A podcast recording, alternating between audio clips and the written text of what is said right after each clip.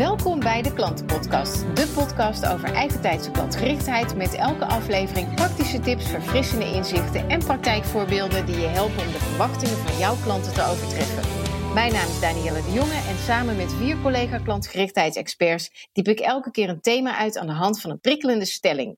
In deze aflevering spreek ik met Sydney Brouwer, spreker en auteur over klantgerichtheid en klantbeleving, waaronder het boek Six Star Service. Sydney, leuk dat je er weer bent. Hey Danielle, ja, leuk dat ik uh, weer mee mag doen met deze aflevering. Ja, zeker. Ja, want uh, wij, wij, zijn natuurlijk allebei klantgerichtheidsexpert en doen allebei hele leuke dingen daarin, maar we hebben ook natuurlijk uh, zo'n mening over zaken en ja. soms een andere kijk en zo. Dus ik ben heel benieuwd.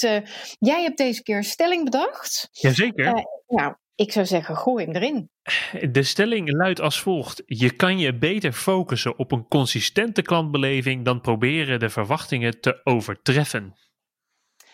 Aha, oké. even dus je zegt van je kan beter altijd gewoon goed zijn dan af en toe pieken. Ja. Als ik het zo even ver, vertaal. Ja, precies. Heel veel, heel veel mensen die zeggen ja, overtreffen die verwachtingen. Uh, maar dat is eigenlijk best wel moeilijk natuurlijk ook. Terwijl als je ja. het altijd goed doet en de klant weet wat hij van je kan verwachten, dat is eigenlijk de sleutel tot een loyaliteit.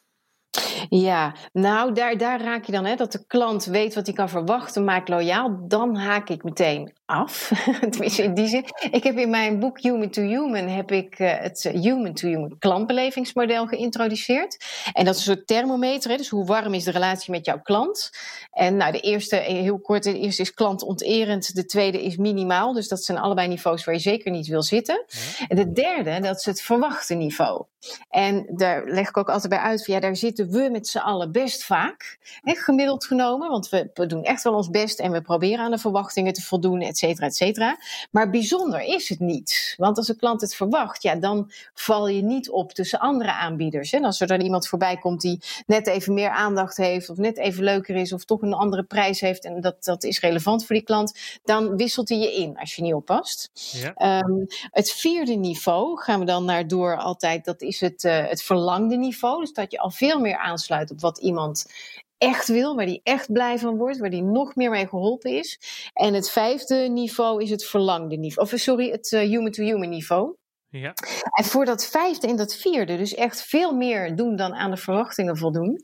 Dat betekent dat je je klant veel beter moet leren kennen. Dat je ook het niet alleen maar over de inhoud hebt, maar erg op de relatie gaat zitten. Hoe kan je deze klant nou echt gelukkig maken, zijn zorgen wegnemen en dat soort uh, vragen. Um, en mijn, mijn stelling is dus altijd: via dat verwachte niveau, daar zit je soms toch. Weet je, want het is wel eens druk en je doet gewoon je best en prima. Maar zorg dat je daar niet meer dan uh, 30% van de tijd zit. En zet die andere 70% op dat vierde verlangde niveau en het vijfde human-to-human niveau. Hè. En, en dan daarbinnen zou ik zeggen, doe 50% op dat verlangde niveau. En dan hou je nog 20% over om af en toe echt te pieken. Ja, uh, ik, ja. Ik, denk dat uh, ik en jij denk ook nog wel eens, ook bij organisaties ko, uh, komen die, waarvan ze van zichzelf zeggen, joh, wij zitten eigenlijk ook best wel veel op dat minimale niveau. Ja, nee, zeker. Ja, en dat, dat komt dan door het is te druk. Of, of hè, er zijn allerlei redenen te bedenken waarom je gewoon het u vraagt, wij draaien principe aanhangt. Ja. Uh, maar ja, voor je lange termijn klantrelaties is dat niet heel verstandig, zou ik zeggen. Dus dan moet je al op zijn minst naar dat verwachte niveau. Maar, en dan is het altijd mijn missie om ervoor te zorgen dat mensen vooral niet te veel op het verwachte niveau zitten, maar juist daar overheen gaan. Nee.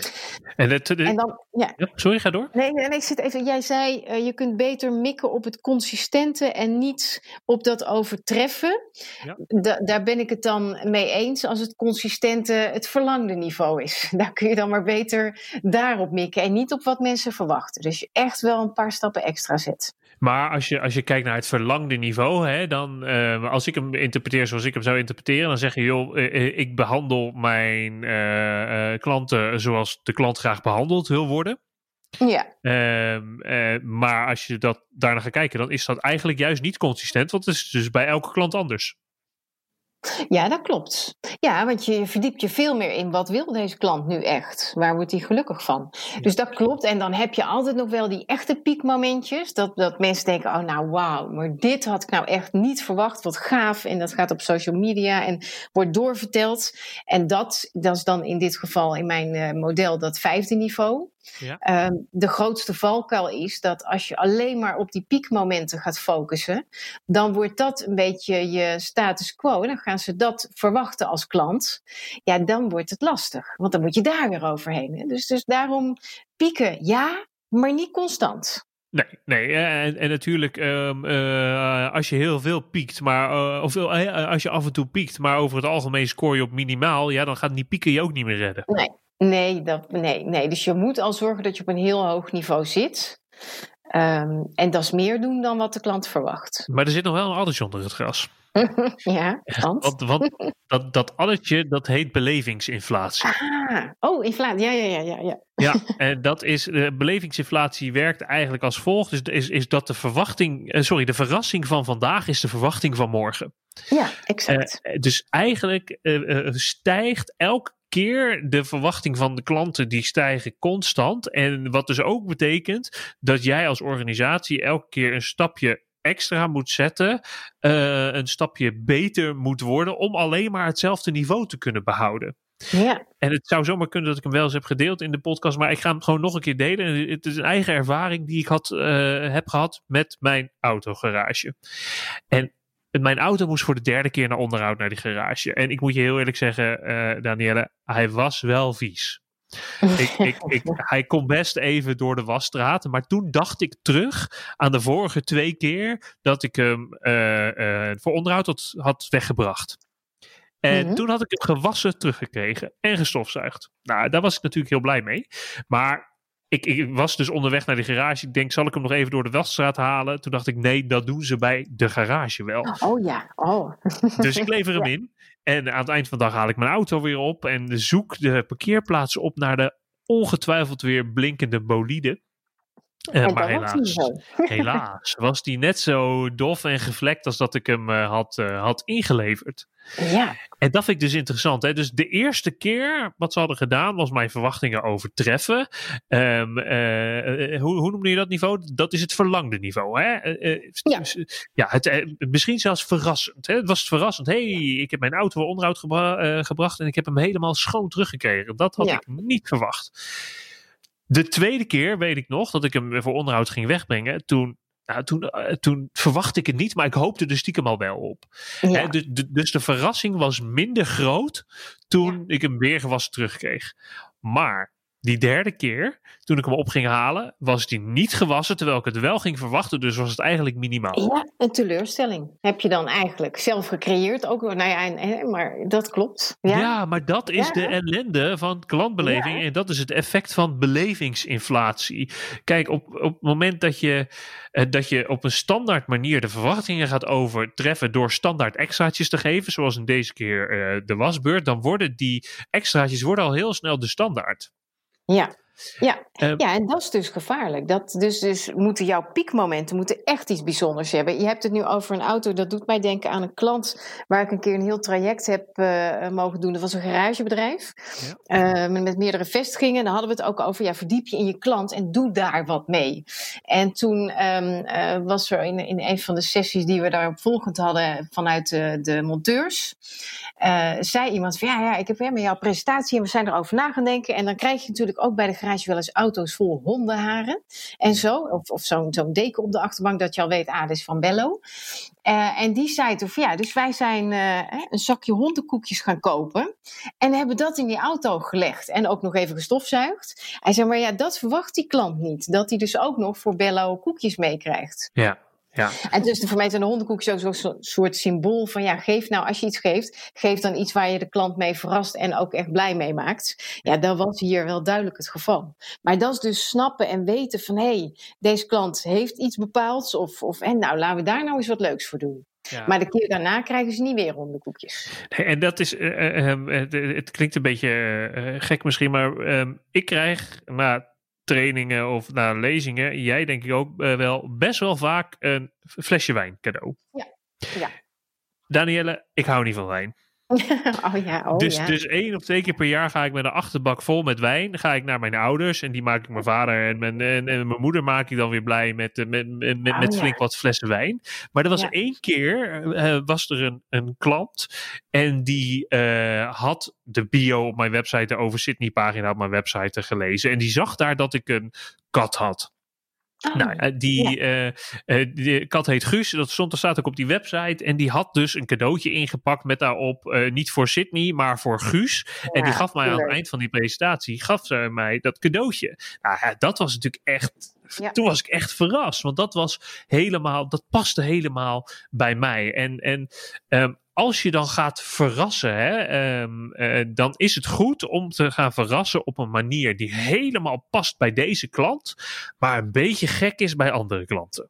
Ja, ja Want- precies. Dat doe je niet bij iedereen. Niet iedereen die eh, bij, jou, eh, bij jouw klant, niet iedereen die daar zijn auto komt repareren, die krijgt een zakje hondenkoekjes. Sterker nog, dat is best wel een beetje gek. Als je geen hond Ja. hebt en je krijgt toch een zakje hondenkoekjes. Vooral dat, ja. En niet alle sprekers die bij die klant van mij komen spreken, die krijgen, ehm, die, die krijgen een kattenspeeltje. Maar bij mij paste het. Dus als je Ja. er zo over na gaat denken, wat kan ik nou, hoe kan ik deze klant verrassen op een manier die perfect past bij deze klant, maar een beetje gek is bij anderen. Ja, dan kom je op een niveau wat jij denkt, eh, no- wat jij noemt human to human. Eh, ik noem het six star service. Maar uiteindelijk gaat het allebei eh, over het, hebben, eh, het, eh, eh, het oog hebben voor de menselijke kant van de klant.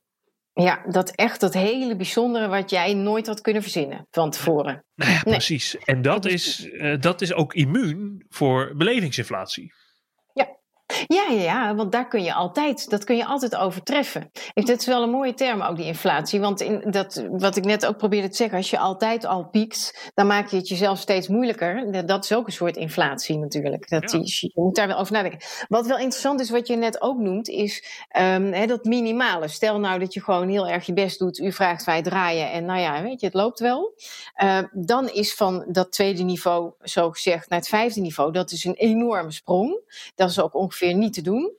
Um, dus dus wat, wat raden we de mensen nu aan die dan nog niet op het verwachte niveau zitten? Nou ja, dan moeten we toch eigenlijk even uh, teruggaan naar uh, de, naast jou de founding father van deze podcast. Dat is toch wel Jos, hè? Jos Burgers, met zijn, uh, met zijn boek één fan per dag. En dat vind ik toch wel de meest mooie strategie die je eigenlijk hebt om met elkaar aan de gang te gaan om, om fans te maken. Je, je hoeft niet bij elke klant six-star service te leveren. Je hoeft niet bij elke klant human-to-human niveau te halen, denk ik. Misschien dat jij er anders tegenaan kijkt, maar dat uh, horen we dan zo. Want dat, dat, uh, soms kost dat gewoon extra tijd en energie en dat, dat kan ook niet altijd. Maar doe er eens één per dag. Maak eens één fan per dag en doe dat met al je collega's. En zoals Jos zegt, dan heb je aan het eind van het jaar heb je een heel leger uh, ambassadeurs gecreëerd. Ja, ja, ja, dat klopt. Ja, nee, je, je, zegt je hoeft niet bij elke klant dat te doen. Ligt er natuurlijk ook nog een beetje aan hoeveel klanten je hebt. Um, ja, dat is waar. Ik heb al, ja, als het tien zijn is het een stuk makkelijker dan wanneer het er honderd of nog uh, duizend zijn. Um, ik denk wel dat je, of ik vind wel dat je er constant alert op moet zijn. Je hoeft niet in een lijstje bij te houden van je klanten. Wie heb ik dit jaar al uh, echt gepiekt? Hè? We hebben alle verwachtingen doorslaggevend overtroffen. Um, maar het alert zijn maakt dat je wel meer klanten op dat niveau hebt. Dus dat je va veel vaker die, die piekervaring hebt. Um, dus het moet niet je doel zijn, elke klant. Maar ik denk als je je voelspriet hebt uitstaan en je bent er alert op, gefocust op, nou dan haal je misschien wel 80% van de klanten. Want dan hoor je ineens iemand iets zeggen over zijn kat of over een hobby of over, nou weet ik het, verzin het, hè, waarmee je iets ja. bijzonders kunt doen. Nou ja, en dat is inderdaad, je, je moet er oog voor hebben. Je moet de kansen die de hele dag aan je voorbij komen, maar de kansen uh, op geweldige services, die moet je leren herkennen. En dat zijn er eigenlijk drie. Er zijn drie um, uh, soorten situaties waarbij um, die, die kansen bieden op geweldige service. En dat heeft eigenlijk altijd te maken met een afwijking. Dus als eerste kan je je afvragen, oké, de klant die ik nu voor mij heb, wat maakt deze klant nou anders dan al mijn andere klanten? En als je dat gaat zien, als je dat gaat realiseren, dan, dan, dan is stap 2 ook, uh, wordt vaak vrij duidelijk. Namelijk, hoe kan je je service dan daarop afstemmen?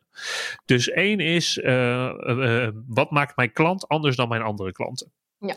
Stap 2, de, de tweede situatie, de tweede kans is oog hebben voor de omstandigheden. Dus wat maakt vandaag?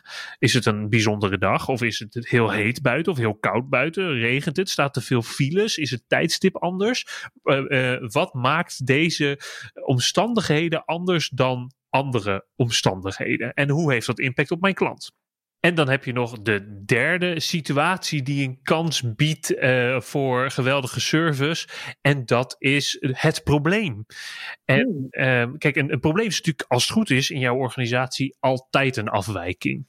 Uh, en als je dus oog hebt voor het probleem, dan uh, biedt dat een kans om een extra stap te zetten. En dat moet je dan ook wel eigenlijk doen. Want als je niet een extra stap zet voor de, voor de klant, maar bijvoorbeeld alleen het probleem oplost, ja, dan blijft die, dat, dat, die negatieve associatie, die negatieve herinnering blijft uh, in het hoofd van je klant plakken. Terwijl als je, uh, als je dan uh, iets positiefs tegenover zet, um, dan wordt die eigenlijk die negatieve herinnering wordt overschreven. En dat is ook waarom klanten waar iets fout is gegaan, maar wat op een hele goede manier, positieve manier is opgelost, ehm, dat die vaak nog loyaler zijn dan klanten waar eigenlijk niks fout is gegaan. Ja, ik heb uh, voor mijn boek uh, lees ik ook altijd onderzoeken en dan pluis ik van alles uit. En er is een uh, onderzoek geweest van Trustpilot, zo'n zo'n um, grote organisatie die reviews en zo heeft. Je kent ze misschien wel. Um, en die hebben toen ook onderzocht, hè, waarom geven mensen slechte beoordelingen, sterren of, of dat soort dingen. En nou, dat zijn allerlei redenen, soms uit wraak, soms om anderen ervoor te waarschuwen. Maar dan blijkt ook dat op het moment dat een bedrijf contact opneemt, zegt van joh, je hebt hè, één of twee of drie sterren gegeven, en, of iets onaardigs gezegd, wat vervelend, en hè, kunnen we het oplossen? Uh, en als het dan ook daadwerkelijk is opgelost, dan blijkt dat een heel groot deel van de mensen ook nog bereid is om die review aan te passen, omdat ze denken van ja, eigenlijk is het ook gewoon goed. En het is een fijn bedrijf en ze hebben me nu ook nog geholpen. Ja. Dus dat vond ik wel heel mooi om te lezen van je kan wel een keer boos zijn, hè, dat mag. Maar ja, erin blijven hangen, dat gebeurt dus als een organisatie het niet goed of onvoldoende oplost. Ja. Of helemaal ja, het is, het is een beetje een, een zijpaadje van uh, het onderwerp van vandaag, maar het altijd op reviews reageren. Dat is best wel een, een goede tip, ook als ze negatief zijn en dan gewoon zeggen van joh, we willen graag meer weten. Je kan ons bereiken op dit, op dit e-mailadres of zo en dan kunnen we het voor je oplossen. Ja. ja, en het doet me ook denken wat jij net zegt, hè? Dus, dus om die ervaring, dat doet me denken aan die peak-end rule. Dus dat mensen onthouden vooral het piekmoment wat ze hebben met een uh, bedrijf, of dus het laatste contact wat ze hebben. En als dat laatste contact dan niet fijn is, of iets niet, niet helemaal, uh, nou ja, hè, op het verwachte niveau alleen maar zat bijvoorbeeld, of het minimale niveau, ja, dan blijft dat niet hangen. Ja, en, en de nuance daarbij is dat de, de piek uh, hoeft niet altijd positieve piek te zijn. Een piek kan ook een, een negatieve piek zijn. Het gaat om de ja. meest intense emotie. Ja, precies. Ja, ja, dus zo zie je maar, die constante klantbeleving. Dat, ja. Uh, ja, dat is heel belangrijk, mits die al op een hoog niveau zit. Dus maar nou ja, eigenlijk denk ik, als ik hem zo samenvat, zijn wij het er allebei over eens dat je je basis gewoon consistent goed op orde moet hebben. En sterker nog, elke dag een beetje beter moet maken. Want je basis is vatbaar voor belevingsinflatie. Zeg ik dat goed? Ja, ja. En maar als je dan een kans ziet Um, maak dan die stap naar Six-Star Service, naar Human to Human. En hoe vaak moet je dat dan doen? Een keertje per dag. Ja, precies. Maar niet bij elke klant, maar wel elke dag een keer. ja, precies. Ja, en bij elke klant misschien één keer per jaar iets heel bijzonders, als het ja, even kan. Maar niet met kerst. Nee, niet met kerst. Stop met het kerstgeschenk. Dat was de eerste. We weten de allereerste aflevering, hè, volgens mij. Ja, ja, de allereerste klantenpodcast bij WNR was als titel Stop met het kerstgeschenk. En die kwam ook ergens begin december uit toen, in dat jaar. Dus dat was meteen een duidelijk statement. ik krijg zoveel met kerst. Dat, eigenlijk, ik, ik, krijg zoveel uh, weer, die flessen wijn. Maar, oh ja, die je niet drinkt. nee, die ik niet drink. Uh, uh, maar het is ook bijna te veel om overal op te reageren. Ja, Ja, dat klopt. Maar dat is ook waarom je geen kerstgeschenken moet geven. Daar zit je piekmoment niet. Want het valt niet op. En het is te veel. Mensen zijn met andere dingen bezig in die tijd van het jaar.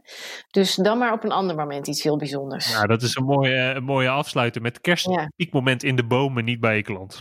Oh, dus kijk, dat is nog eens een mooie. op een tegeltje. ja, precies. Ja. Nou, dankjewel voor het delen van jouw inzichten ook weer eh, in deze podcast, Sydney. Helemaal goed. Ga op zoek naar uh, momenten om echt indruk te maken op je klanten. Dankjewel, Danielle. Ja, nou dan was dit de klantenpodcast over consistente klantbeleving en piekmomenten. Vond je het interessant? Check dan ook onze andere podcasts op bnr.nl/slash de klantenpodcast. Wil je reageren of heb je een thema dat je graag terug hoort in een volgende aflevering? Laat het ons weten via luister@deklantenpodcast.nl of social media.